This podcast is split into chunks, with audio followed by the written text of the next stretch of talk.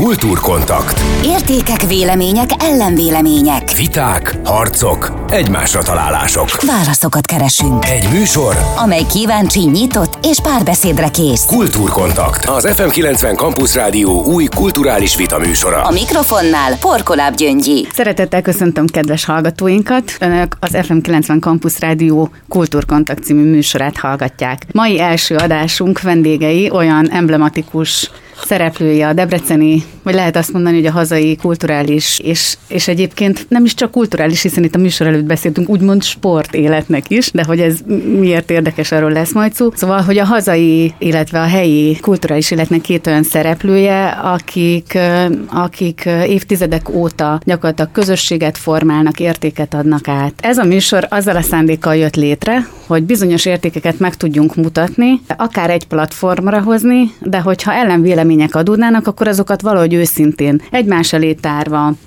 párbeszéd formájában meg tudjuk beszélni. Hogy ez miért fontos a mai életben, azt akkor tudjuk, amikor elkezdünk talán egymással beszélgetni, hogy valójában ismerjük-e egymás igényeit, felmerjük-e térképezni azokat a problémákat, amelyek akár napi szinten, akár a működés során jelentkeznek. Ugye mindenki, aki a kultúra valamilyen szegletében dolgozik vagy dolgozott, tudja jól, hogy számos ilyen helyzet lehet, de hát a kultúrában dolgozó emberek nagy része túlélő. Szóval, hogy ne csigázzam tovább a, a műsor hallgatóit, ennek az adásnak a vendége Asbó Tanikó, aki a Vojtina Bábszínháznak az igazgatója, és Bíró Csaba, aki a Valcer Tánc stúdiónak az igazgatója elnöke, ugye az Egyesületnek az elnöke. Ugye egyik őtöket sem kell a helyieknek tulajdonképpen bemutatni, és ha lehet ilyet mondanom, és ez nem a korotokra utalna, gyakorlatilag generációk nőttek föl azon, amit ti Debrecenben kulturális tartalomként átadtatok nekünk. Ugye Anikó Bábszínházba gondolom járnak már olyanok,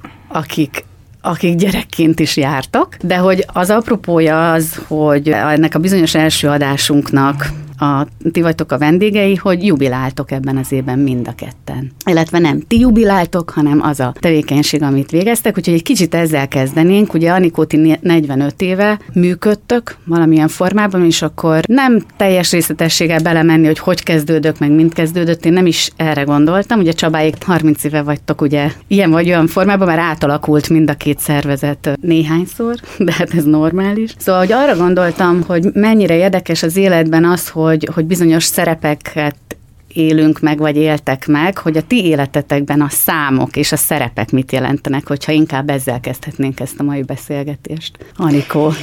De én is szeretettel köszöntöm a hallgatókat, és valóban eh, mindannyiunk életében nagyon fontosak a számok, és valóban a teljesség igénye nélkül ugye a, a Vojtina együttes, Báb együttes 75. Eh, december 31-én alakult egy baráti társaságból, és az én Szilveszter alkalmával, Pontosan, szilveszterkor jókedvükben egy baráti társaság tagjai, Szabó Tiborral az élen, aki az én párom, ők vagy együtt alapítottuk meg, Így heten van. vagyunk alapító tagok a Vojtina Báb együttesben. És soroljuk föl őket, csak amiatt, hogy ez a 45 év olyan szép, hogy Igen, pontosan. Hát Giovannini Cornél volt a, abban az időben a művészeti vezetőnk, Szabó Tibor a társulatvezető, Megyeri Béla, aki a oszlopos tagja ugye a Vojtina Báb színháznak, aztán benne volt az együttesben Popovics Hajnak, a Szabó Gizella, benne volt a két kicsi, őket csak így hívtuk, két egyetemista, Némat Ibolya és Varga Matild. Ők voltak ketten, és volt két férfi tagunk is, jól számoltam, eddig meg vagyunk öten, öten hatan, és volt még a Brenner Miklós tagunk és Csáki Erzsébet, akikkel megalapítottuk az együttest, és hát ugye sok-sok formáció volt, és sok-sok igazándiból váltás és helyzet és minden, ugye az a 45 év alatt talán a legnagyobb lépésben, ha 93-ra gondolok, akkor viszont a önálló városi színházzá válásunknak az évfordulóját említem, és a, ez, a, ez a dátum azért a leg, egyik legjelentősebb, mert ugye nem sokkal ezután a, megkaptuk azt az épületet is, amiben ma működünk, tehát a Kávin tér 13 alatt a volt Hungária Kamara Színház helyén felújította nekünk a városa az épületet, és amit azóta is csinosítgatunk, és minden és nagyon azt szeretjük. talált ebben, nem? Az igen, igen, pontosan, nagyon-nagyon. Tényleg szerettük az előző a kölcseinek a Bábszínház termét is, igen. hiszen az Bábszínháznak épült eredetileg, és nagyon bensőséges intimterű volt, de azért itt tudtunk igazándiból kiteljesedni ebben az épületben. Úgyhogy ezek azok a nagyon nagy lépések, amelyekben a Vojtina tulajdonképpen megszületett, és ahogy mondta Gyöngyi, már most azzal szembesülünk, hogy már most lassan nem csak a gyerekek hozzák a gyerekeiket, hanem a nagymamák is a, az unokáikat. Tehát valóban több generáció az, akit már mondjuk úgy, hogy a szárnyaink alatt nevelődött bizonyos szempontból. Csaba, akkor kitérve arra, hogy ugye ti pedig 30 éve segítitek, én inkább így mondom, gyakorlatilag azokat a fiatalokat, akik egyfajta mozgáskultúrát szeretnének elsajátítani, mert egy kis kitérőként nyilván lehet azt keresgélni, sok családnál van történet arra vonatkozólag, hogy, hogy apuka vagy anyuka azt mondja, hogy már pedig fiam beíratlak ebbe a társastánc, vagy erre a társastánc tanfolyamra, sőt van olyan iskola, ahol egyébként meg is hirdetnek ilyet, és akkor kötelező jelleggel, néha direktbe durogva ugye elvégzik a gyerekek, de megtanulnak keringőzni, megtanul csacsacsázni, és utána rájön, hogy ez milyen hasznos volt azért az életben. Szóval visszatérve ezt ezért ti közösségépítés szintjén, és hát egy olyan magas színvonalon teszitek, már 30 éve, hogy a te életedben ilyen értelemben a számok mit jelentenek, vagy egyáltalán ezek, a, ezek az állomások, amik azért állatok is jelentősek voltak. Hallgatva Anikót, milyen sok közös dolog van, vagy sok kapcsolódási pont. Itt is egy baráti társaság alapította tulajdonképpen 1990-ben a Valcártán stúdiót. ugye? Négyen alapítottuk. Két pasi, két meg fiú, két nő, két, lány, két, két táncos pár Igen. tulajdonképpen. Mi akkor abban az évben a Szavária nagy hírű táncversenyre utaztunk, és akkor ott a vonaton beszélgettük, hogy tulajdonképpen már régóta táncolunk, már a táncpedagógus képzésünk is folyamatban van, hogy alapíthatnánk egy új táncstúdiót, Vadás Csaba párjával, Fésűs Mónikával, illetve jó magam a párommal, Molnár Judittal alapítottuk ezt a táncot. Tulajdonképpen Mónika máj napig aktívan végzi ezt a tevékenységet tánc vagy különböző torna formájában. A partnernőm sem hagyta teljesen abba, hiszen ő is nagyon sok aerobik csoportot visz máj napig, Vadás Csaba pedig hát az amerikai táncéletet erősíti kint, táncol Amerikában még aktívan, ő, ő még aktívan is táncol. És hát 90-ben szintén egy olyan kapcsolódási pont, hogy 90-ben ismerkedtünk meg úgymond közelebbről a Vojtinával, hiszen a Pódium Műhegyesület keretén belül dolgoztak ők is, és ők segítettek nekünk próbahelyhez. Mm. Úgyhogy 90-ben az ő segítségükkel jutottunk, a Szabó Tibor segítségével jutottunk próbahelyhez, így kezdtünk el önállóan megalapulni. Na hát ez egy új információ nekem is, tehát a Szabó Tibi segített abban, hogy a valcer gyakorlatilag egy, egyáltalán próbahelyhez jusson, már pedig ugye tudjuk, hogy bármilyen együttesről van szó, legyen az egy zenei formáció, ami újra alakul, mennyire fontos, hogy legyen olyan közösségi tér, ahol próbálni tudnak. Akkor Igen, hát Tibor ugye? létrehozott egy olyan kulturális egyesületet, az, úgy, azt úgy emlékszem, hogy a legelsők között voltak Magyarországon, talán a legelső vagy a második Igen. kulturális egyesületet, amibe több ilyen művészeti csoport, pontosan egy ilyen egy ernyő szervezetet biztosította a, ő a kulturális és művészeti csoportok számára, és ez adott egy időben, vagy abban az mhm. időszakban a Vojtinának is, a Valcernek is, és még sokaknak, a, az Unió mozgás színnek, a Lux együttesnek, tehát sok debreceni együttesnek adott otthon, tehát tulajdonképpen fizikai tér, teret értve is, illetve ernyőszervezetként segítette a munkájukat. Uh-huh. Mert szóba hoztátok itt azt, hogy próbahely, otthonra talált, hogy bármilyen kulturális tevékenységet, ha végez egy szervezet, egy egyesület, egy alakulóban lévő, vagy éppen már 35 vagy 40, 45 éve épp piacon működő, hogy mi az, amitől otthonná válik szerintetek egy ilyen közösségi tér? És itt ugye az első kérdésben a számok mellett a szerepeket is megemlítettem, hogy talán pont Csaba, te mondtad, hogy mennyire fontos volt a te inspirációdban, hogy belevágj ebbe esetlegesen egy olyan szerepben ma is tevékeny hölgy, a Rozsai Judit nevét említem itt meg, aki valamiért, valamilyen módon példakép volt, és hogy, hogy mennyire fontos talán, hogy, hogy a kulturális életben is ezeket a... Hogy arra szeretnék utalni, hogy, hogy szerintetek mennyire fontosak a, a szerepek, mert mind a kettőtök esetében azért az élen ott vagytok 30-45 éve, és viszitek zászlótokra tűzve ezt nagyon fontos értéket, amit közvetíteni próbálunk. De valójában mitől válik otthonná egy ilyen kulturális egyesület, hiszen mind a ketten azért civil szervezet formájában indultatok el, és ugye most a Bábszínház az intézményi formában működik már. Akkor tulajdonképpen, mikor elkezdtünk,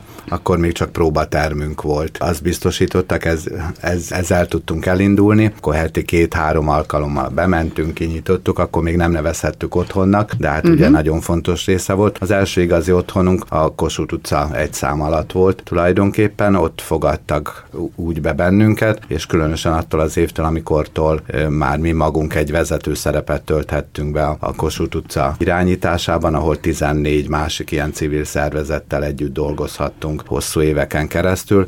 Akkor nekem kellett összefogni ezt a 14 civil szervezetet, és úgymond a város felé ezt prezentálni, hogy nekünk ott jó helyünk van, és otthonra találtunk ebben a házban. Az megint egy másik szerepkör volt, hiszen akkor már nem csak a táncra kellett koncentrálnom, hanem hogy a többi együttessel is együtt tudjunk dolgozni. Na, akkor itt van ön már most számomra egy olyan kérdés, amiben egyébként eltér, meg sok mindenben eltér a ti tevékenységetek, de lehet úgy otthon teremteni egy több civil szervezetet, több kulturális irányzatot, mégis egyfajta ernyő alatt, vagy egy otthon formájában működtetni, meg van egy másik, amikor azt mondod, hogy úgy találok otthonra, hogy ott van a Vojtina is, az a mi kis otthonunk, a mi kis házunk, műhelyjel, mindennel együtt. Ebben a nehézséget, vagy esetleg a működőképességet ti miben látjátok? Mert nyilván van mind a kettő. Hát én úgy érzem, hogy abban, főleg abban az időszakban, amikor ezt Tibor létrehozta, de nyilván erről ő tud többet beszélni. Egyrészt az elfogadás, a kíváncsiság, a nyitottság, és, és nyilván az a fajta irányultság mindenki részéről, hogy a művészet érdekli, vagy annak uh-huh. valamilyen ága. Mert az Egyesületben azért voltak egymásra hatások is, hogy például Olátibi fotoművész és tagja volt az Egyesületnek, csináltunk vele közösen kiállítást, műsorokat, tehát ott a Tibor szándékaiban úgy vélem az is benne volt, hogy ezt a fajta kapcsolatteremtést lehetővé tegye, és ez, ez, a, ez nyilván a fizikai térben is megnyilvánult, és, és egyfajta fejlődési lehetőséget, utat és, és szervezeti formát tudott akkoriban adni. Ma már annak azért nagyon sokféle, tehát nagyon sokfelé ágazó formája van, de abban az időben ez még nagyon mhm. kezdeti volt, és nagyon, hogy is mondjam, egy új irányt jelentett abba, hogy a civil szervezetek hogy tudnak egymásra rátekinteni, és egymáshoz akár utakat Kapcs- találni. Tehát ez nagyon fontos és megtermékenyítő is volt a csoportok számára sok esetben. Uh-huh. Hiszen ott 90-ben, akkor mi is alapultunk, ugye a rendszerváltás után nem voltak erre példák. Akkor ugye uh-huh. voltak a kultúrházak, ott voltak csoportok, de nem volt erre példa, hogy civil közösségek, vagy magunk ala- megalakulunk, kérünk egy másik civil szervezetet, hogy segítsen, akkor megismerünk újabb, harmadik, negyedik civil szervezetet. Nagyon szükségünk volt egymásra. Ők mentek valahol, szóltak, hogy kellene egy tánccsoport, akkor mi mentünk fellépni, uh-huh. vagy például Kopány István, aki az szintén ugye alapítója volt a Podiumi Egyesületnek, ő volt a műsorvezető az első táncbemutatónkon, az első valceremóniánkot, őt kértük fel mhm. műsorvezetőnek. Uh-huh. Hát ilyen kapcsolódási pontok voltak, ez egy nagyon útkereső dolog volt, hogy hogy dolgoznak együtt a civil szervezetek, és hogy hogy bizonyítanak akár a város, a közönség és mindenki uh-huh. felé, hogy kapjanak később egy önálló helyet, vagy hogy segítsék őket. És talán ebben az is nagyon fontos volt, hogy ezek a önként és alulról jövő kezdeményezésként egy, egy formációba uh-huh. belép felépült csapatok önrendelkezőek voltak. Tehát nem felülről mondta azt valaki, hogy ugyan gyertek már ide, vagy és a többi, nem alulról azt mondták, hogy akkor mi szeretnénk közösen valamit csinálni. Sőt, a tartalom előállításában is önállóak lehettek, és Pontosan, igen, igen. Tehát a, szabad, a szabadság igen? és a demokratikus működésnek a lehetősége is nagyon fontos igen, volt de ebben. tényleg tanul, akkor tanultuk. A demokráciát, tehát, pontosan. Az elsők igen. voltunk, akik ilyen önálló szervezetek voltak, nem, nem volt igazán erre példa. Hogy látjátok most ezt a helyzetet 2020 2020-ban, és persze jókor kérdezem egy ilyen covidos időszakban, de talán erről is lesz majd szó, hogy milyen nehézségekkel néztek szembe, de hogy ma szerintetek civil szervezeteknek hasonló szándékkal könnyű elindulni, könnyebb, vagy éppen amitől könnyű, az okozza nehézséget, az éppen előbb említett szabadságot, vagy alkotóvágyat, ami kicsikét lehet, hogy korlátozva van.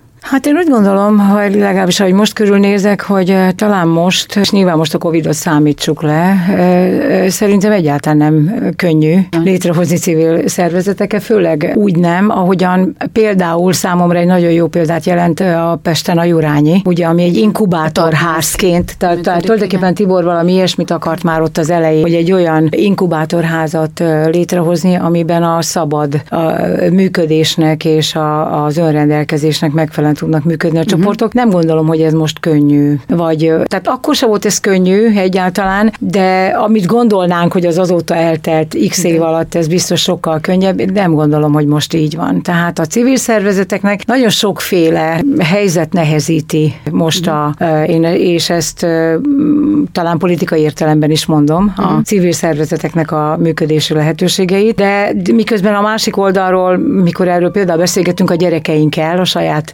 mondjuk 20 és 30 éves, 30 év körüli gyerekeinkkel, akkor ők például ezt borzasztóan hiányolják, hogy a ebbéli lehetőségeik közel sem sincsenek olyan szinten, vagy nincsen, nem látnak feltétlenül ilyen, ilyen lehetőségeket. Nem mondom, hogy nincs, vagy lehet, hogy Igen. nincs is teljesen rálátásom most már a napjainkban, de talán én nem, nem gondolom könnyűnek. Tulajdonképpen az a része, ez a civil része, ez a jó értelembe vett civil része volt az, ami nekünk valahogy plusz volt, vagy segítség. Tehát nem egy klasszikus tánciskolát hoztunk létre, ahol bejönnek x nap, akkor 8-tól 10-ig táncolunk, uh-huh. aztán hazamentek, hanem ez a közösségi része, amire, amire nagyon jól próbáltunk odafigyelni, és ez abból adódott, hogy egy baráti társaság hozta létre, uh-huh. a barátaink közül kerültek ki a táncosok, mindig együtt voltunk, nőttünk, nőttünk, de próbáljuk megtartani ezt az úgymond civil részét. Közösen találjuk uh-huh. ki, közösen szervezzük, közösen menjünk, a közösség minden tagnájának jó legyen, és ezek után persze nem mellékesként, de ezek után jön, hogy te jó táncos vagy, te,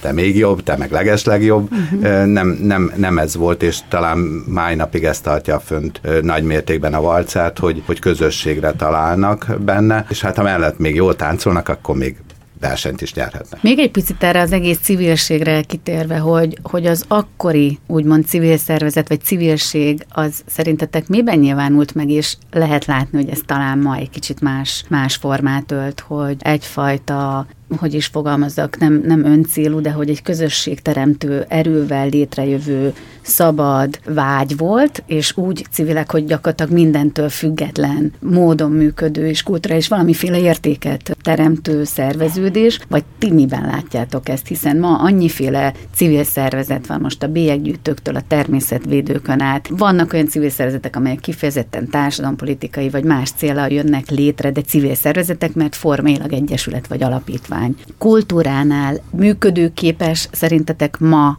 civil szervezet formájában létrehozni valamiféle kulturális szerveződés vagy tevékenységet? Én úgy gondolom, hogy megvan a létjogosultsága, mondjuk ha, ha a saját területemet nézem akkor is, mert főleg azokat a kezdeményezéseket csatornázzák be talán ezek a kulturális értelemben létrejövő civil szervezetek, amelyeket korábban más keretek között működtetek. Értem itt ez alatt például a színpadokat, egyetemi uh-huh. színpadok, Bizony. amatőr Igen. színpadoknak a lehetősége, uh-huh. amire én azt gondolom, hogy, hogy most is mutatkozik igény, meg látjuk a, a a kisebb városokban létrejövő olyan színházi előadásokat, amelyek például ezeket, a, uh-huh. ezeket az igényeket elégítik ki, vagy hogy terelik egy mederbe. Egyfajta műhely munka Pontosan. Ugye? Igen, igen, okay. vagy úgy, hogy amikor mondjuk létrejön egy-egy olyan színházi előadás, amiben a polgármestertől kezdve a, látunk erre példákat ugye a környékünkön is, ki mindenki a maga Aha. színészi vágyait, vagy játszási vágyait kiélve hoznak létre egy-egy konkrét mondjuk produkciót, talán műzikeleket hoztak létre elsősorban, igen, igen. szabadtéri uh-huh. nyári rendezvényekként, tehát ami most azért uh-huh. hoztam ezt példaképpen, hogy a kultúra területéről uh-huh. valamiféle olyan igényt uh-huh. jelenít meg, vagy csatornáz be. Ezek abszolút a legtisztább értelembe vett amatőr színházi előadások, viszont kapnak olyan segítséget, ami a, a hangosításban, fényben, rendezésben, mi egyekben, mi egyebekben, ami, ami egy kicsit egy sokkal komplettebbé tudja tenni magát azt a tevékenységet, amit csinálnak. Tehát én azt gondolom, hogy van ennek abszolút létjogosultsága, akkor úgy csak úgy eszembe jutott, most nézek Csabára, hogy ugye Csabáik is az egyik koppányi díjas csapatról beszélhetünk, mert hogy a, ebből a civil kurázsiból, uh-huh. ez a, talán még a kopi kifejezése volt Koppányi Pistájé, hogy a, abból a civil kurázsiból létrehozott civil egyesületek, amelyek valóban a, a, legtisztább civilséget jelentették, és ezért is alapítottunk abban az időben egy ilyen díjat a Kopányi Pist emlékére, Igen. aki már sajnos Nincs fentről nézi a kulturális kezdeményezéseket, uh-huh. hogy a, a civil kurázsiból létrejött csapatokat díjaztuk ezzel, ez is egy teljesen civil alapon létrejött. A díjat is mi alapítottuk, a finanszírozását is Na, látjátok, ezt tettük meg. Ez például lehet. És, és, és, ez egy nagyon, ez egy nagyszerű kezdeményezés volt, én is azt gondolom, és nagyon szép emlékeket őrzök ezekről az mhm. átadókról is Csabival együtt, mert valóban akkor a látókörünkben lévő ö, csapatokat díjaztuk, akik tényleg ö, ebből a uh-huh. közegből jöttek. Ezt tovább gondolva, hogy ugye mind a két szervezet és tevékenységről elmondható, hogy egy kicsit a gyerekek számára a felnőtté válást segíti, hiszen a bábszínház az az első színházi élménye egy gyereknek, a tánc az pedig megint azt a fajta felnőtti válást, ahol egy lány kihúzza magát, ahol megkarol egy fiút, vagy éppen engedi magát vezetni. Mi, miben látjátok egyébként ma ennek a szerepét, hiszen itt lépnek be a gyerekek abban a valós életben, ami valóban a felnőtté válás felé vezető út. Láttok ebben különbséget a úgymond akkori, amikor alakultatok és a kezdeti célok mentén kezditek ezt a tevékenységet, illetve ma? A ma fiatalja mennyiben más szokásaiban, kultúrafogyasztásában, vagy ha úgy fogalmazok, akkor mit jelent ma a gyerekkultúra, vagy mi, hogy látjátok ennek a minőségét? Annó, mikor alapultunk, akkor a, a fiatalok jöttek, a középiskolások inkább, akkor tényleg egy ilyen, egy ilyen bulis csapat volt, bulis társaság. Aztán ez az idők folyamán úgy változott, hogy inkább a gyerekek jönnek a szülő unszolására, uh-huh. vagy mert hogy a szülő a saját álmát akarja a gyerekben megvált ö, létrehozni, vagy a gyerek látott a táncot, ugye nagyon sok táncos műsor van, és ő is táncolni akar, szép ruhába akar jönni, vagy úgy akar mozogni. Tehát egy kicsit a korosztály így változott. Ma már a szemünk előtt nőnek föl a gyerekek. Tehát tényleg beiratkoznak óvodás alsó tagozatba, és ott vannak egészen egyetemig a nagy többség, mert ha már egyszer eljött, akkor, akkor á, ott maradnak egész egyetemig, és akkor végig látjuk tulajdonképpen mm. ezt a fejlődést. És bátran merem mondani, hogy azok a fiúk és lányok, akik, akik táncolnak, sokkal könnyebben tudnak bármilyen közösségbe beilleszkedni. Minden pedagógustól vagy szülőtől is ezt a, a visszajelzést kapjuk legtöbbször, hogy még felelni is úgy jön ki, hogy nem tudok neki egyest adni, mert olyan jó kiállású. Tehát, aha, hogy, hogy bátran aha. mernek, sokkal jobb kiállásak vannak, vagy, vagy tényleg látom a, akár az alakjuk, ahogy változik. Nem azért, mert mérlegelem őket, mm. mert nem Igen. nincs erről szó, hanem kialakul bennük egyfajta olyan igény, hogy jól nézzenek ki az öltözésük, a viselkedésük. Tehát nagyon, nagyon sok és nagyon fontos szerepet kap.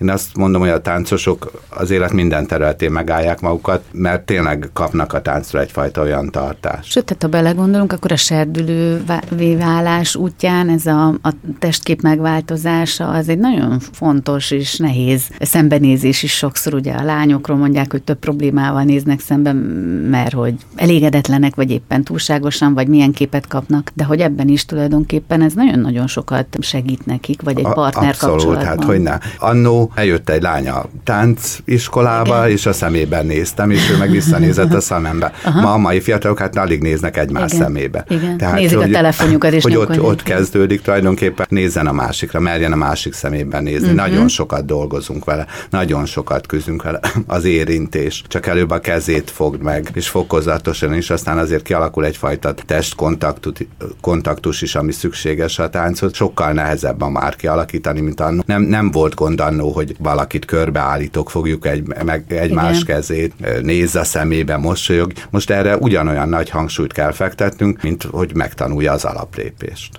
Egyébként kultúrkontakt ennek a cím, műsornak a címe, ugye pont az a szándék, hogy az érintés az valahol ott van bármilyen területén a kultúrának. Igen, Annyit én ezt abszolút messze menően elő alá tudom támasztani a Csaba által mondottakat, hiszen én saját életemből tudom, hogy nagyjából olyan, nem tudom, hat éves koromban kezdtem el balettiskolába járni. Jártam 11 nehány, nem tudom, majdnem 18 hmm. éves kor, 19 éves koromig. Ez biztos, hogy ez olyan alapokat ad, és a, ahogy mondja Csaba, ez tartást ad Igen. mindenkinek, és ennek a, a tartás kifejezésnek mindenféle értelmezésében. És, és ez például az én pályámat is borzasztóan segítette. ez a, ne, ne, a tartásban, még ez az Azt, egyenes hogy... tartás, és talán, hogy előre nézek, ugye nem a pontosan. leszegett fejjel, az már önmagában Igen, üzen valamit a testbeszéd. Pontosan, is. pontosan. Uh-huh. Én is azt gondolom, hogy azt, hogy egy megáll egy balettos és mit csinál, e- ez, ez a függőleges, Igen. ez, az, ez egész életében el fogja Igen. kísérni. Uh-huh. Tehát én is azt gondolom, hogy ez rendkívül fontos, uh-huh. és amiket elmondott Csabi, ahhoz még talán annyit tennék hozzá, hogy, hogy a, a mi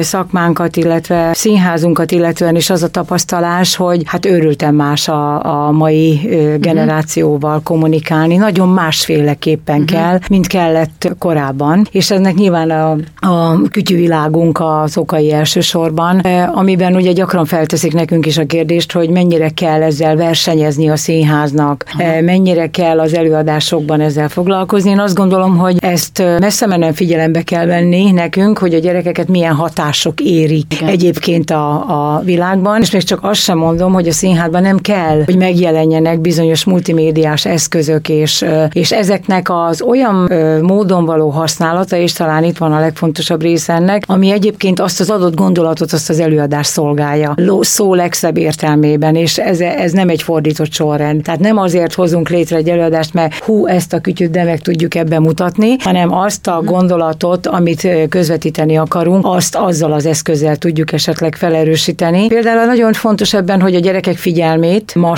sokkal nehezebb akár 5 percen keresztül is fenntartani, mint volt ezt könnyű, uh-huh. vagy könnyebb mondjuk 30 évvel ezelőtt. Minden gyorsabb lett? Tehát Minden sokkal akár gyorsabb egy rajzfilm, lett. akár más. Pontosan, a váltások, tehát ez Aha. ilyen drama, a színház életében ez dramaturgiai ö, szemponttá vált, vagy abban a dramaturgiai szempontok között erősödött fel, hogy egy a különböző korosztályoknál milyen váltások és hány perc, az előadás hanyadik percében kell ezt uh-huh. megtennünk, ahhoz, hogy a, a figyelem ott maradjon, és ott tudjuk tartani a gyerekeket. Ezzel együtt én abszolút hiszem, hogy a élő élő embertől átadott üzenet, ez vagy akár a táncban a, a kontakt, ahogy Igen. mondtad, a kultúrkontakt, ez, ez örökérvényű. Tehát nem hiszem, hogy ez bármi mással lehet pótolni.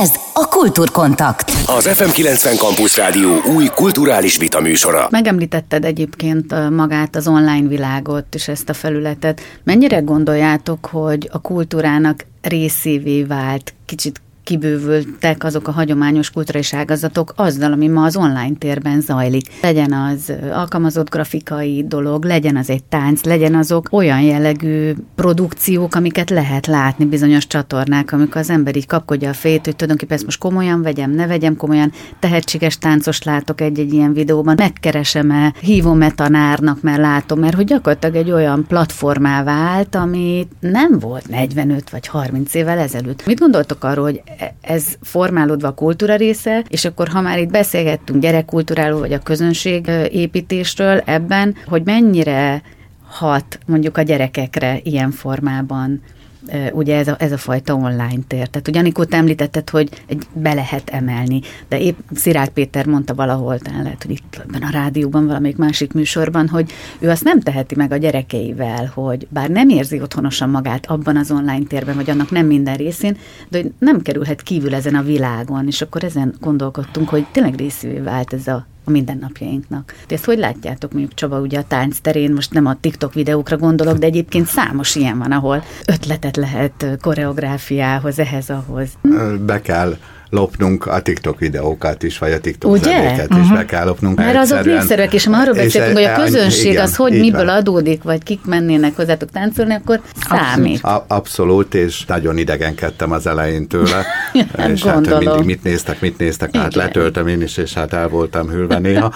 De ezáltal uh-huh. ugye beleláttam például abba is, hogy mi van, és, és betesszük egy-egy előadásba, vagy egy, vagy, vagy mondjuk, na, hogy van ez, és akkor egy-egy mókásabb koreográfia, vagy egy, akár egy karneváli mozdulat elejéig is megy egyből a közönség is megmozdul, hogy hoppá, ezt ismerem uh-huh. a mhm. TikTokról. Hatalmas lehetőségek vannak azért ebbe az online térbe. Iszonyat sokat lehet tanulni, rengeteg inspiráció, tehát nagyon-nagyon megkönnyíti a, a, a dolgunkat. Nekünk inkább az a feladatunk, hogy úgy irányítsuk a gyereket, hogy, hogy mit nézzen, tehát hogy kritikusan szemléje azért ezeket a dolgokat, és hogy tudja, hogy, hogy mit lehet nézni. Mm. És ugye ez, ez nagyon egymásra épül, mert itt a nagy táncosok, hogyha jó videókat néznek, olyan párokat néznek, olyan előadásokat, gyakorlatokat, amikben tanulhatnak, ami, ami tényleg fejlesztő hatású, ezek továbbadják a, uh-huh. a kicsiknek, és nekünk versenyezni kell a TikTok videókkal, hogy vannak itt azért olyan komoly táncos produkciók, inkább azt néz, ez meg csak ha van időd, Aha. vagy poénnak jó, de, de ezt nagyon irányítani kell nekünk, és ezek a generációk azért adják át egymásnak. Igen, ez a kultúra elevensége jutott itt eszembe, és még egy gondolatot, hogy van egy aktualitása is talán Csaba, és akkor a rádióhallgatóknak egy kicsit büszkélkedjünk el vele, hogy épp most valamelyik országos kereskedelmi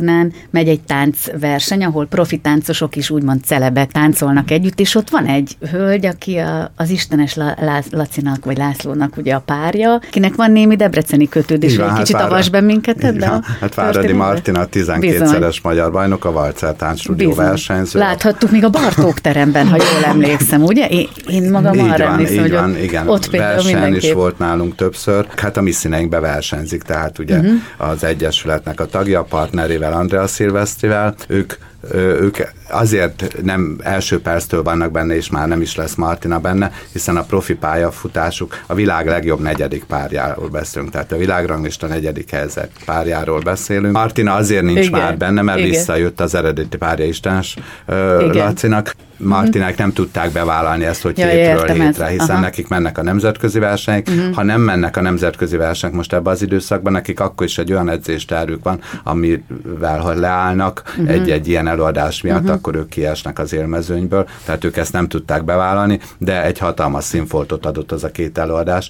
és azt hiszem, hát Isten Lászlón is látszott, Igen. hogy olyan felszabadultan és olyan örömmel táncolt, meg a többi táncos, de akár még a zsűri is, tehát egy világklasszis személyében indult el ez a tánc. Hát reméljük, hogy sokan uh-huh. kedvet kapnak emiatt is a táncoláshoz.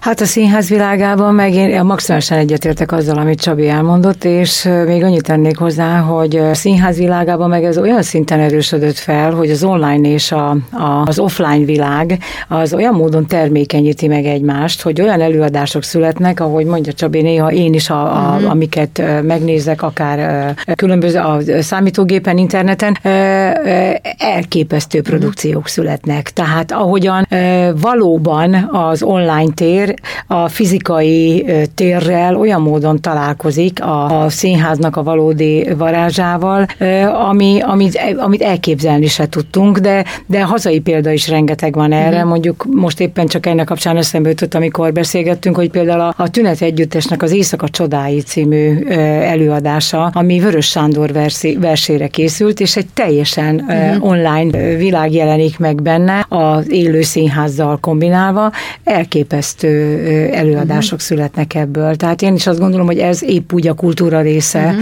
sőt, és egy olyan szegmens, aminek már nagyon egy teljesen külön ága, ága, boga van uh-huh. mindenféle értelemben, ahogy beszélhetünk már automat robotbábokról is. Tehát már ez is jelen van a világban. Robotpincérről már hallottunk, Igen, meg mesterséges van, van, mesterséges De nyugtass meg, Anikó, hogy megmaradnak a bábszínházak. Megmaradnak a bábszínházak, meg, megmaradnak, megmaradnak, de, itt, de ebben is van egy olyan, ami amiben, amiben ez egy, ez egy olyan gondolatokat fogalmaznak meg például, amikor mondjuk egy valós báb találkozik egy robotbábbal, és akkor az tehát, tehát rendkívül érdekes, Igen. izgalmas Igen. dolgokat rejt ez a világ. Aha. Számomra is rendkívül lenyűgöző és mondjuk érdekes. Nagyon érdekes, egy kicsit bátrabban nyílnak meg az emberek valahogy sokan ebbe az online világba, tehát járt táncosaink, azt gondoljuk, hogy ismerjük és sok mindent tudunk róluk, és egy-egy ilyen videóba, uh-huh. amit feltesz, vagy feltölt valahova, amit magáról Ról. csinál, uh-huh. vagy esetleg egy olyan barátja, aki megnyílik, hogy mutogatjuk egymásnak, hogy te tudtad ezt? Hát nézd meg, nézd meg milyen jó, uh-huh. hogy ebben milyen tehetséges, vagy ez, ezt uh-huh. a részt, hogy, hogy, hogy, hogy ezt nem vettük eddig észre, nem mert úgy megnyílni. Tehát azért, azért lehet nagyon sok jó dolgot találni, mert valahogy bátrabban megnyílnak, amikor nincs nincs ott senki, csak a telefonjuk, hát uh-huh. nem, mhm. nem, nem tudom. Igen, De ebben is nagyon ilyen. érdekes dolgokat tudunk fölfedezni, jobban megismerjük a, a tanítványokat. Talán egy folyamatos fejlődés is, nem? Talán e- elfogadni úgy ezt a világot, hogy maga pozitívumaival, hiszen nem lehet egy áramlat feladattal szemben úszni, úszni állandóan, inkább, sokkal inkább érdemes valahogy részévé válni ennek a dolognak. De itt, hogy már említettük és beszélgetünk egy ideje az online világról, hogy az is egy érdekes kérdés, hogy a, hogy a jelen társadalmi kérdései mennyire bekúztak amúgy a kulturális tartalmakba is. Itt most Anikó, a ti 45 éves jubileumi évadotokban meghirdetett előadásokra is gondolok, hogy ott felmerül a, mi az eskü, uh-huh. a lázadás, lehet-e lázadni, milyen mértékben, hogyan ebben a mai világban, mennyire működünk keretek között, vagy ugye ott van egy, a női szerepeknek is a kérdése, hogy esetleg erről azok számára, akik még be tudnak settenkedni azért, és bemernek menni ebbe a igen. minden harmadik székre ülünk Igen, igen, pontosan, hát most nagyon, szóval, nagyon, hogy, hogy... nagyon szerencsétlenül jött ki most ez ebből a szempontból, hogy pont most van ugye ez a 45. évadnak az első fele, mm. és nagyon sok mindent kitaláltunk, ami, ami forma... Mert nekem ez, ez ütötte meg a mm-hmm. szemem, tehát hogy persze jó előadások, ugye egy jubileum évad, de hogy, hogy úgy, ahogy a Csokonai Színháznál lehet látni bizonyos stúdiódarabok létrejövő évetelinél ott a fiatalok körében az erőszak kérdése, vagy az aklatás. Itt pedig azt látom, hogy megpróbáltok azért olyan kérdéseket, ami hát szomorúan, de azért ott van a családok, meg a társadalom életében. Abszolút, abszolút így van, mert én is azt gondolom, hogy például most, ami konkrétan ilyen kortás problémákra vonatkozik, egyáltalán, hogy, hogy annak a, a igénye, hogy a klasszikus történeteink azok egy kortási rátekintéssel valósuljanak meg a színpadon, uh-huh. ez például ez egy, az, a az alapvetés a napjaink színházában már. Tehát a, a Grimm mesének, a Libapásztor lánynak a, a megközelítése, az, az teljesen más, és, egy, és, és ugye ezekből a klasszikus történetekből mindig egy kortárs mű születik, egy ősbemutató a mi esetünkben, illetve általában a bábszínházak esetében mindig, és abban kortársi felvetéssel tekint rá az az író, dramaturg, alkotócsoport az adott előadásra. Tehát ezt nagyon fontosnak tartom, de az a irány is például, például, ami hát színházi nevelési programról 30 évvel ezelőtt nem, nem beszéltünk. Igen. Nem, nem igen. beszéltünk. Nagyjából 25 évvel ezelőtt indultak el azok a színházi nevelési eh, csapatok, mint a Káva vagy a uh-huh. Kerekasztaltársulás, uh-huh. akiknek a munkája nyomán egyáltalán ezt a kifejezetten osztálytermi kisközösségnek szóló játékforma, illetve nevelési, színházi uh-huh. nevelési forma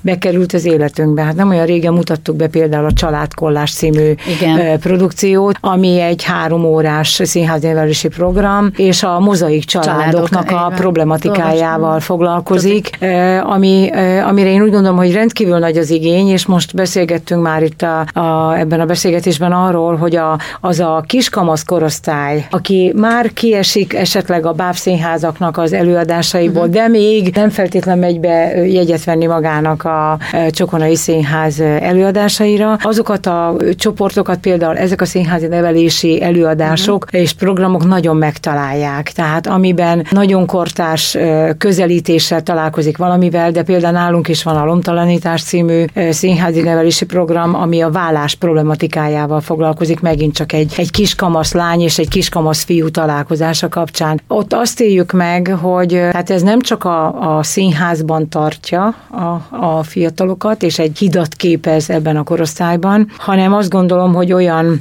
problémákra irányítja rá a figyelmet, és, és hogy is mondjam, ad egy, egyfajta segítséget is a gyerekeknek, hogy, hogy ezekkel a problémákkal hová lehet fordulni, uh-huh. hogy ezek kimondhatóak, kibeszélhetőek, és nyilván itt egy távolságtartással van, uh-huh. tehát a, a szakma szabályainak megfelelően kezelve ez a történet, de mindig együtt dolgozunk benne pszichológusokkal, szakértőkkel, akik ezt, ezt nem csak a folyamatban vannak jelen, hanem nagyon például a lomtalanítás esetében minden egyes előadáson is ott ül egy pszichológus, eh, amiben, eh, ami nagyon fontos, és abban a, és ez egy másfajta színészi attitűdöt eh, is kíván egyébként Hogyne. az ilyen típusú program. De ez most csak arra, hogy 30 igen. évvel ezelőtt, vagy nem, 45 évvel ezelőtt nem. nem volt még az életünkben. Igen, bár Valószínűleg akkor is jó lett volna, ha van, de, de nyilván az igények termelték ki hát, ezt még is. inkább a... tabuk voltak talán ezek Abszolút, a kérdések. Igen, igen. Mert ugye itt hallgatva téged azért ez egy szellemi lelki alkotóbázis, amit ott létrehoztok és fejlesztettek most az évek vagy évtizedek során, és itt Láposi Terka nevét is meg kell említeni, aki rendkívül sok olyan jellegű szellemi és minőségi gondolatiságot próbál mindig beültetni és beletenni folyamatos kontrollal azért. Abszolút, abszolút. És a kontrollt értem arra, pontosan. hogy nem felelőssége egy ilyen előadást megcsinálni, valószínű, hogy igen az, de akkor hogyan tudok segíteni tovább is, ez amit mondta, hogy ott ül egy pszichológus, vagy aki akar tovább dolgozni ezekkel a darabokkal. Itt a táncra átfordítva, Csaba, hogy ugye eszembe jut azért hallgatva ezt is, hát folyamatosan benne van az emberben, hogy tényleg ez a, a hagyományosból hogyan tudsz a kortás felé, vagy a modern felé átlépni, és itt a Vojtin egy nagyon jó példa erre. Hogy a táncban hogy látod ezt, hiszen jelentős mértékben van igény a kortás táncra. Most hallottam Budapesten egy ismerősömtől, hogy a Frenák Társulatnak az előadásért egyszerűen nem kapnak jegyet, míg a klasszikus balett előadásra elmennek éppen a jegyek, de hogy milyen szomorú, hogy az milyen jó lenne, hogy az is tele lenne. Hogy te ezt hogy látod, hiszen az a, ez egy hagyományos műfaj azért, amit ti kínáltok a piacon, de hogy az tartalmában is eladható legyen, fontos ebben egy picikét váltanotok, vagy hangolódnia.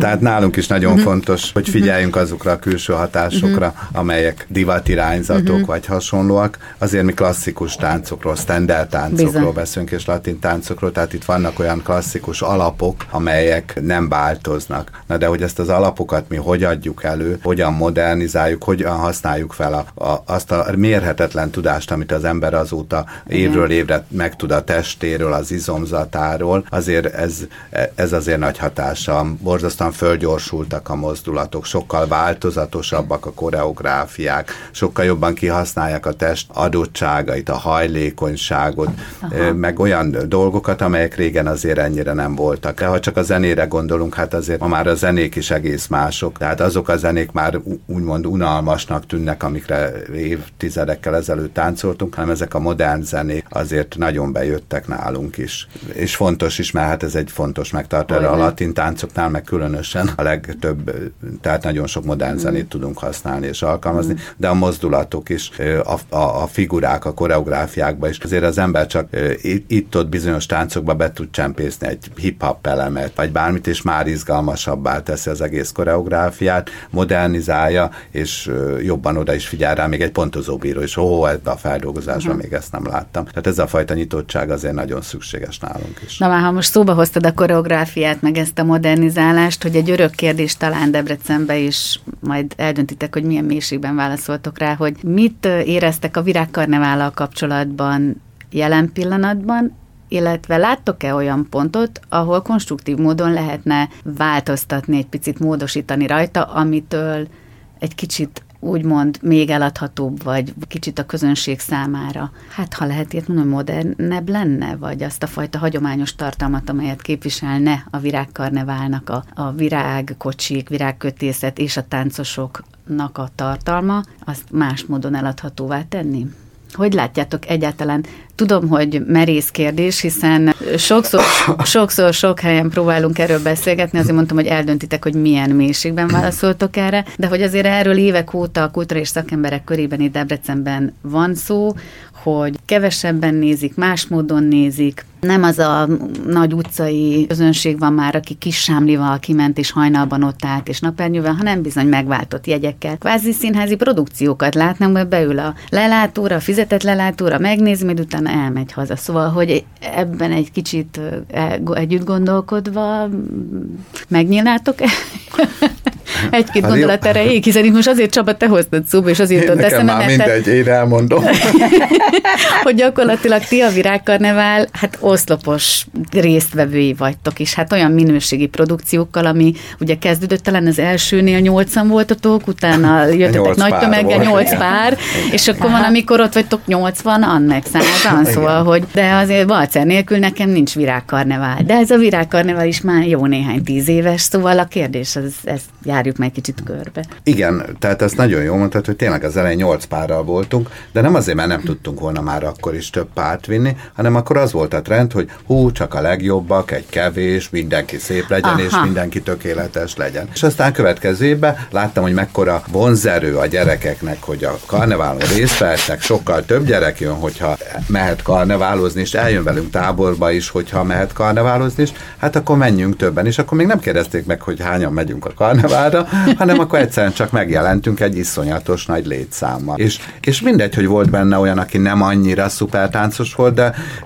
tehát nem, nem akkor is érdem volt, mert mai napig egy olyan táncos, aki szeptemberben beteszi a lábát a valcárba, annak éveket kell várni, hogy bekerüljön a karneválba. Tehát biztos, hogy, hogy válogatjuk. Tehát a, a javát visszük. Akkor is az első időszakban, de ezzel adtunk egy olyan új színfoltot a karneválnak, hogy volt tömeg. És utána uh-huh. megjelent a többi tánccsoport is tömegel, hiszen meg egy karneváli a, hangulata volt azért, és, egy nagy tömeggel, És jött a karneváli hangulat, így, így van. van. És ez hiányzik nekem a, a, a virágkarneválból, a karneváli hangulat. Igazán karneváli hangulatot ö, úgy lehet teremteni, hogyha mindenki egyformát, ugyanazt kapja. Uh-huh. Tehát ha én pont valamelyik néző előtt elvonulok csak, az, az nem kapja meg az én karneváli hangulatomat, mert azért jött ki, hogy, hogy táncolni, Igen. hogy kicsit mozogjon. És itt nem egy nagy koreográfia, hanem csak mozogjon, mozogjon, mert Igen. táncos csapat. Tehát én sokfele voltam karneválokon a világba. A Riói karnevára még nem jutottam el, de azt még egyszer megejtem.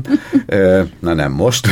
Nem most nem menj nem, most nem, nem, nem engedünk. Te, tehát, hogy, hogy folyamatos táncolás van. Folyam, sosem felejtem el, de erről Rozsá Jutka példaképpen Igen. ugye tudna mesélni. Talán Németországban vagy Franciaországban volt, mikor megbüntették a táncsoportot, mert a koreográfiában volt nyolc ütem álló produkció. Aha. És kemény pénzbüntetés kap, kaptunk, mert ezzel megszakítjuk a menetet, illetve az egész föl volt. Tehát folyamatosan menetelni kell, uh-huh. és táncolni kell folyamatosan. Ez szükség lehetséges, hogy talán kisebb kört írjunk le. Van, ahol kis kör van, és kétszer is körbe megy a csapat, mert Szárémóba például sokkal kisebb kör, uh-huh. kétszer is végig viszont kell menni, viszont menet. folyamatosan Igen. megy, uh-huh. és, és egyszerűen az emberek folyamatosan együtt lüktetnek, Igen. és együtt élnek. De ha vár-vár, hogy jöjjön egy csapat, jöjjön és, egy kocsi, és Igen. hát ha táncol neki, hát ha nem, pedig ugye Szárémóba is, hát a, a uh-huh. versenyautók mennek Igen, ott előttünk, meg Igen. azok vannak virágokból, uh-huh és ott is tud menni, tehát folyamatosan megy, és folyamatosan táncol. És akkor együtt lüktetnek az emberek. Hmm. Németországban millió kis üveg volt az emberek nyakába aggatva, a férfiak nyakába, a hölgyeknek virág. Uh-huh. Virág volt a kezükbe, és aki tetszett, beszaladt, és a nyakába uh-huh. akasztotta. És nem, ezzel nem borult föl semmi,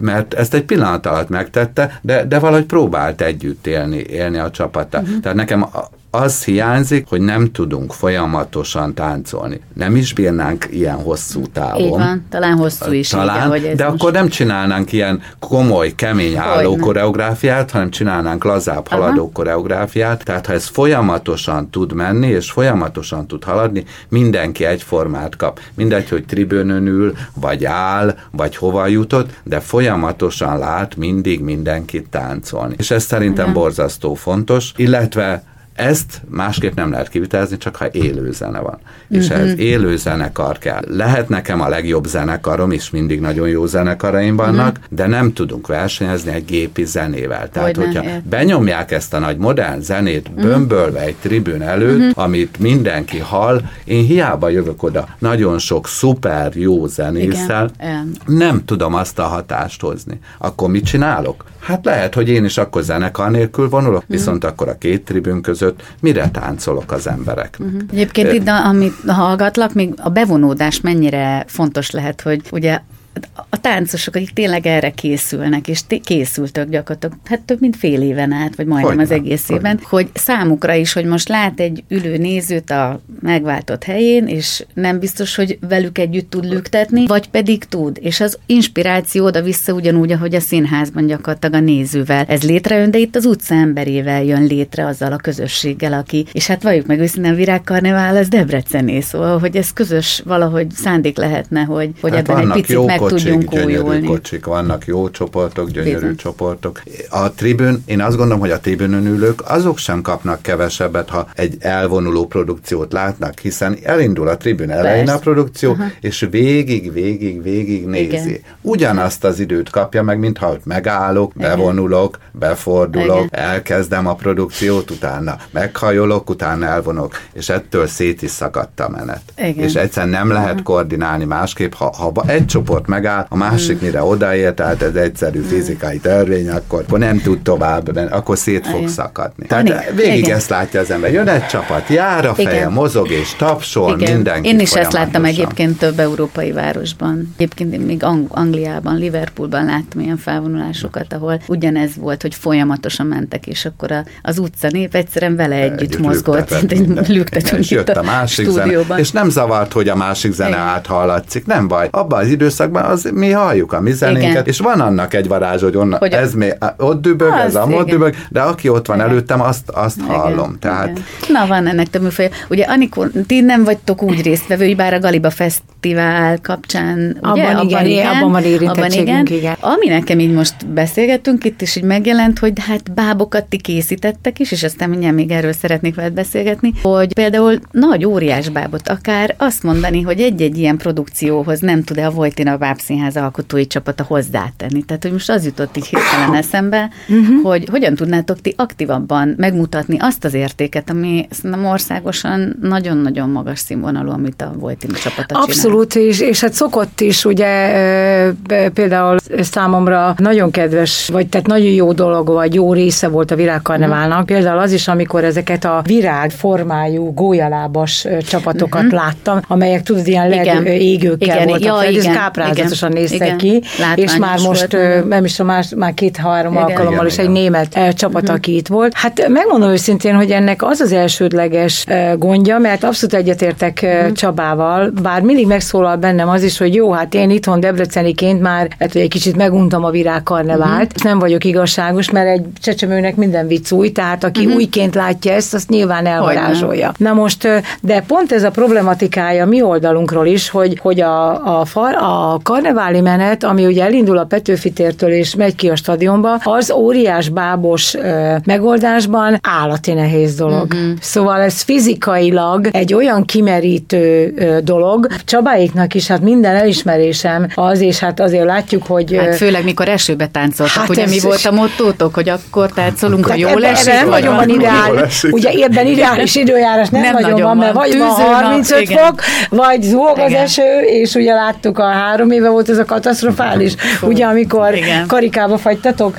Tehát uh-huh. nagyon nehéz ezt, és azt bevállalni, hogy a, a, nyilván meg tudnánk csinálni olyan ö, látványos produkciót, de 8 kilométer gyalogolni egy ö, látványos, óriásbábos uh-huh. felvonulással, az azért ember próbáló. És ha a virágkocsi, vannak a kompozíciójával gondolkodtok, hogy abban abban abszolút, a bábbal, és nem pusztán abszolút. ezt a virágkompozíciót megjeleníteni, hanem valami bábbal, tehát egy kicsit újítani. Persze, én a... azt gondolom, hogy ez teljesen beleférne a dologba. Már nem akarok te... itt ötleteket adni. Nem, nem, mond, mondom, nekem mindig a vonulás része volt az, Igen. ami, hogy egy, te atya úristen, aha, azt aha. tudod, mikor egy ilyen szerkezet mhm. felépül, ha a legkönnyebb anyagokból van, az akkor, az akkor is súlyos kilókat Olyan jelent. Olyan Na most, tehát mondom, az fizikailag őrült Nehéz. megterhelő. Uh-huh. Jártunk mi több olyan fesztiválon, Franciaországtól Németországig, uh-huh. ahol láttunk hasonló, tehát a világkarneválhoz hasonló felvonulási vagy fesztiválokat, és uh-huh. én abszolút egyetértek Csabával abban, hogy ebben meg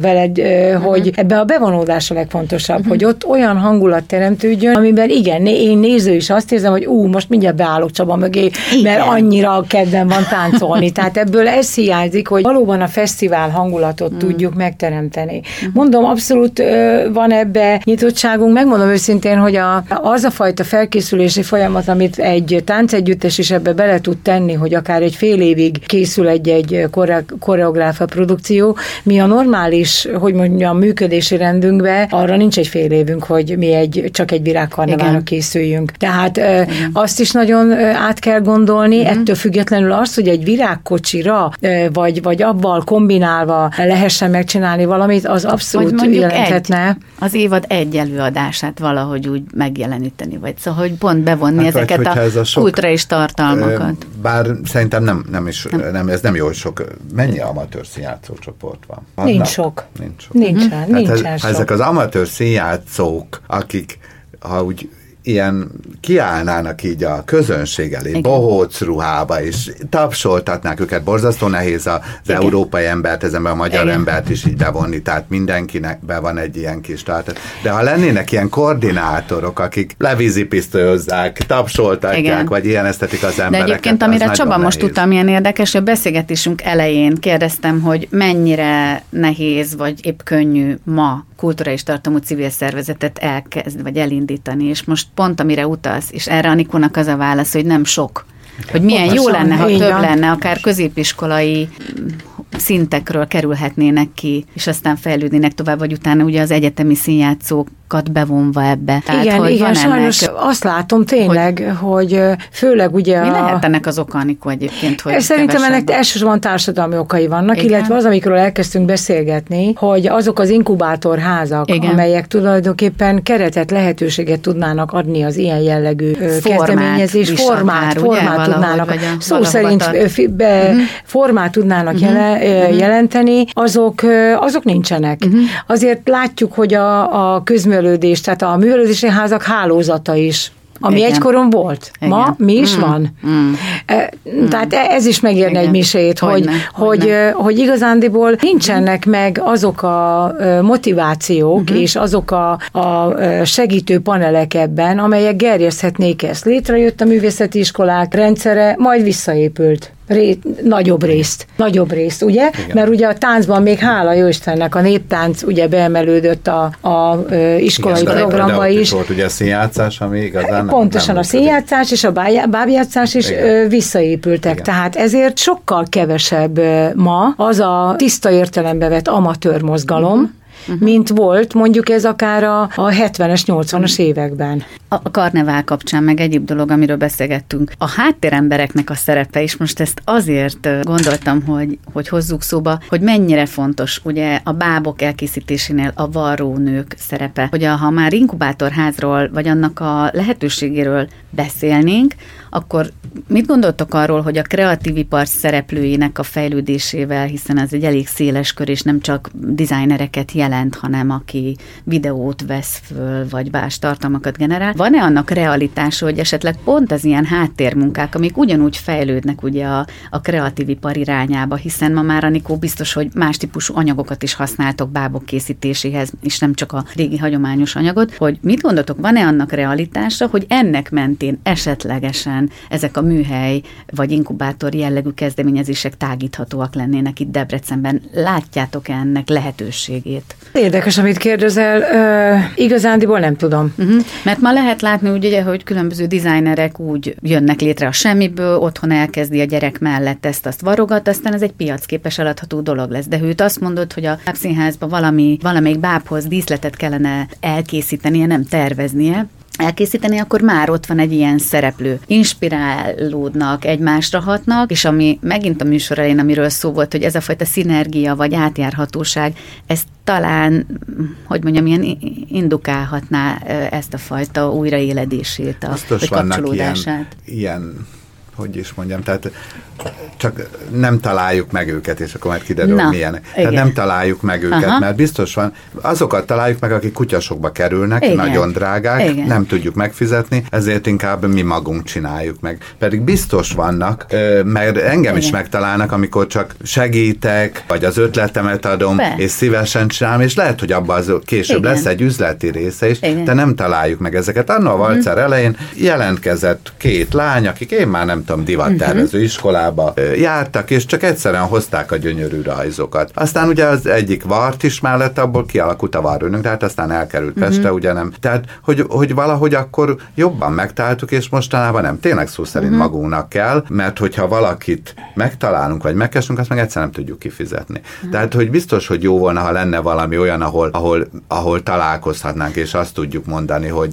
nekem ez a hobbim, ezért segítek, vagy ebből hát, ha kisül, vagy vagy te ezt adod cserébe, vagy ha valami ilyesmire Igen. gondolsz, akkor ennek Igen, biztos, vagy az, hogy, hogy beemelni ezekbe a kulturális intézményi tartalom el, előállításba esetlegesen ezeket a modern irányvonalakat, uh-huh. amit tényleg lehet egy kalaptervező, lehet egy ékszertervező, lehet egy-két olyan kiegészítő, amiből aztán kialakulhatnak dolgok. Van azért ebbe, ebbe csatlakozási pont, Igen? mert tehát én azért a magunk szálán több ilyennel találkozom, hogy csak most egy példát mondjak neked, hogy például a Pucsudit, aki egy nemezes tervező, a édesapja Pócs Péter, aki Igen. plakáttervező, képzőművész, ugye az egész, az édesanyja a Kecskeméti Animációs Stúdiónak a művészeti vezetője, tehát például a Juci, aki kifejezetten a nemez irányába indult el, és abból, a, és nem is a hagyományos nemez tárgyakat készíti, hanem a kalapoktól a, az ékszerekig minden. Igen. Tehát csak valahogy, a, ugye, ahogyan a, a, a látom ugye az internetes világban, hogy ugye hogy indul el egy ilyen kreatív alkotómű, mm. a, tehát művészek nem nevezni, egy kreatív alkotónak. Úgy indul el, hogy ugye kitalál valamit, elkezd blogolni, e, és, és inkább az individuum felől kezd Igen. el indulni, majd egy fejlődési szakaszban valószínűleg megtalálja maga, vagy megtalálja a maga, maga útjait különböző közösségek felé, vagy pedig elindul egy egyéni uh-huh. Művészi pályán, amit, amit, ahogy a Csaba, Csaba mondja, egy adott ponton nem biztos, hogy mi meg tudjuk fizetni. Igen. De azért va, tudok erre jó példákat mondani, uh-huh. de az, hogy a találkozási pontok hogyan uh, jöhetnek létre, ebben biztos van, uh, lehetne még, uh, uh-huh. hogy mondjam, tanulni sok mindent, de most csak ha visszatérek megint a beszélgetés kezdetén uh-huh. a civil szervezetekre, vagy akár az inkubátorházakra, Igen. vagy én azt gondolom, mondjuk, hogy nálunk kifejezetten a Tímárház, ami a, a hagyományos ö, ö, ö, manufaktúráknak a, ö, és a kézművességnek a, a ö, szülő, otthona inkább. Azt gondolom, hogy oda is nagyon sokan becsatlakoznak, akiknek ilyen uh-huh. az mhm. irányultsága. Vagy Nádudvaron, ugye a Vetrómisiéknél, uh-huh. ahol a nem ezzel, ott is a hagyományosból elindulva, de azért nagyon sokféle dolog születik. Én azt gondolom, hogy valahol megtalál, megtalálják azért az utat maguknak uh-huh. ezek a e, alkotó, kreatív energiák, e, és, és be is csatorna, csatornázódnak nagyon sok esetben. Uh-huh. Tehát mi is például a, a bábkészítő műhelyünknek a társait, a munkatársait leginkább például a Kúskároly iskolából szedtük ki, a fafaragóktól, a, a bőrműveség, a, a könyvkötőig, tehát nagyon sok szakmát onnan uh-huh. gyakorlatilag az iskolapadból szedtük ki a, a gyerekeket, akik aztán nálunk fejlődtek. Igen, már csak ez, hogy tényleg a kultúrára mondjuk, hogy átörökíthető, hogy akkor ilyen formában hogyan tudjuk úgy modernizálni, vagy átadni, átadni ezt a dolgot. Itt zárásként, hiszen ez a kultúrkontakt kapcsán valahogy akarva akaratlanul felmerül bennem a kérdés, hogy, hogy érett módon és egyébként gratulálva ehhez a jubileumi sok-sok tíz évhez, melyek az élet nagy kérdései ma Anikó, te nagymama is vagy már, ifjú nagymama, de hogy ennyi sok mindennel a hátatok mögött, itt most számokról, szerepekről, közösségről, háttéremberekről, fesztiválokról beszéltünk, értékekről, Mit, mit gondoltok a, a, az élet nagy kérdéseiről jelenleg 2020-ban? Te, e, e, nagy kérdés ez valóban, meg ezek az évfordulók mindig ilyen hogy is mondjam, összegzésekre is kényszerítik az embert. Hát én azt gondolom, hogy főleg most ezt, ha körbenézünk a magunk is pandémiás világában, akkor ez is nagyon sok ilyen típusú kérdést tesz fel, uh-huh. hogy hogyan visszük át a, a szerelmet a túlsó partra. Én, én ebben azt érzem, a, talán az egyik legfontosabb kérdésnek, hogy a magunk emberségét, a, a magunk emberi mi voltát milyen módon tudjuk úgy továbbvinni, hogy abban a a legfontosabb humán voltunkat tudjuk uh-huh. érvényesíteni, és tudjuk a gyerekeinket és a, a generációkat ezzel hogy is mondjam, ezt, amiről beszéltünk, az online világunk, az offline világunk, ahogyan mondtad, hogy a, ha nem tudok róla, vagy nem vagyok kíváncsi rá, vagy csak így csinálok, hogy enge, ez engem már nem Igen. érdekel, nem tudom, mit néz az unokám a mhm. kütyűjén, uh-huh. akkor nem fog tudni, miről beszélgetni vele. Uh-huh. Tehát én azt gondolom, hogy azoknak a, a kötődéseknek a megtartása a generációk között, amiben ugye nagyon gyakran érezzük azt, hogy az én életem az anyám életéhez, életmódjához, az mindennapoknak a megélése sokkal közelebb volt, igen. tartalmaiban, Igen. mint amennyire most a, a Z generáció, meg az Y generáció mm. élete van a szüleiéhez, vagy a nagyszüleiéhez. Tehát én azt gondolom, de nem vagyok ebben elkeseredett, hogy uh-huh. a, ezt a fajta nyitottságot meg tudjuk egymás felé őrizni, és azokat az alapértékeket a, a gyerekeinkbe be, beleplántálni egészen kiskortól, aminek része így úgy gondolom azt a, az a mhm. beavatás, amiben az emberi mi voltunknak a legfontosabb létkérdéseibe és erkölcsi kérdéseibe beavatódnak a gyerekek a meséink által. Tehát a történet az, a, a történetmesélés az mindig kell, hogy Igen. legyen. Én azt gondolom, hogy talán ez a legfontosabb, hogy ezeket a hidakat megfelelő módon tudjuk magunk a generációk között megtalálni és továbbvinni. Talán egy nagyon lényegi dologra tapintottál ezzel a történetek mesélésével, hogy Európa szerte, ugye a kulturális szakemberek körében megy ez a storytelling, hogy ma megérteni Európát a maga történelmével, a kisebbségek elszakadásával, a ma fiatalja talán nem tudja, nem is tudod neki elmagyarázni azoknak a lelki vetületét. De hogyha történeteken keresztül akarjuk megérteni egymást, hogy családokkal mi történt, milyen hivatások, hogy alakultak vagy szakadtak el egymástól, tehát hogy nagyon érdekes ez, amit most mondtál, hogy ha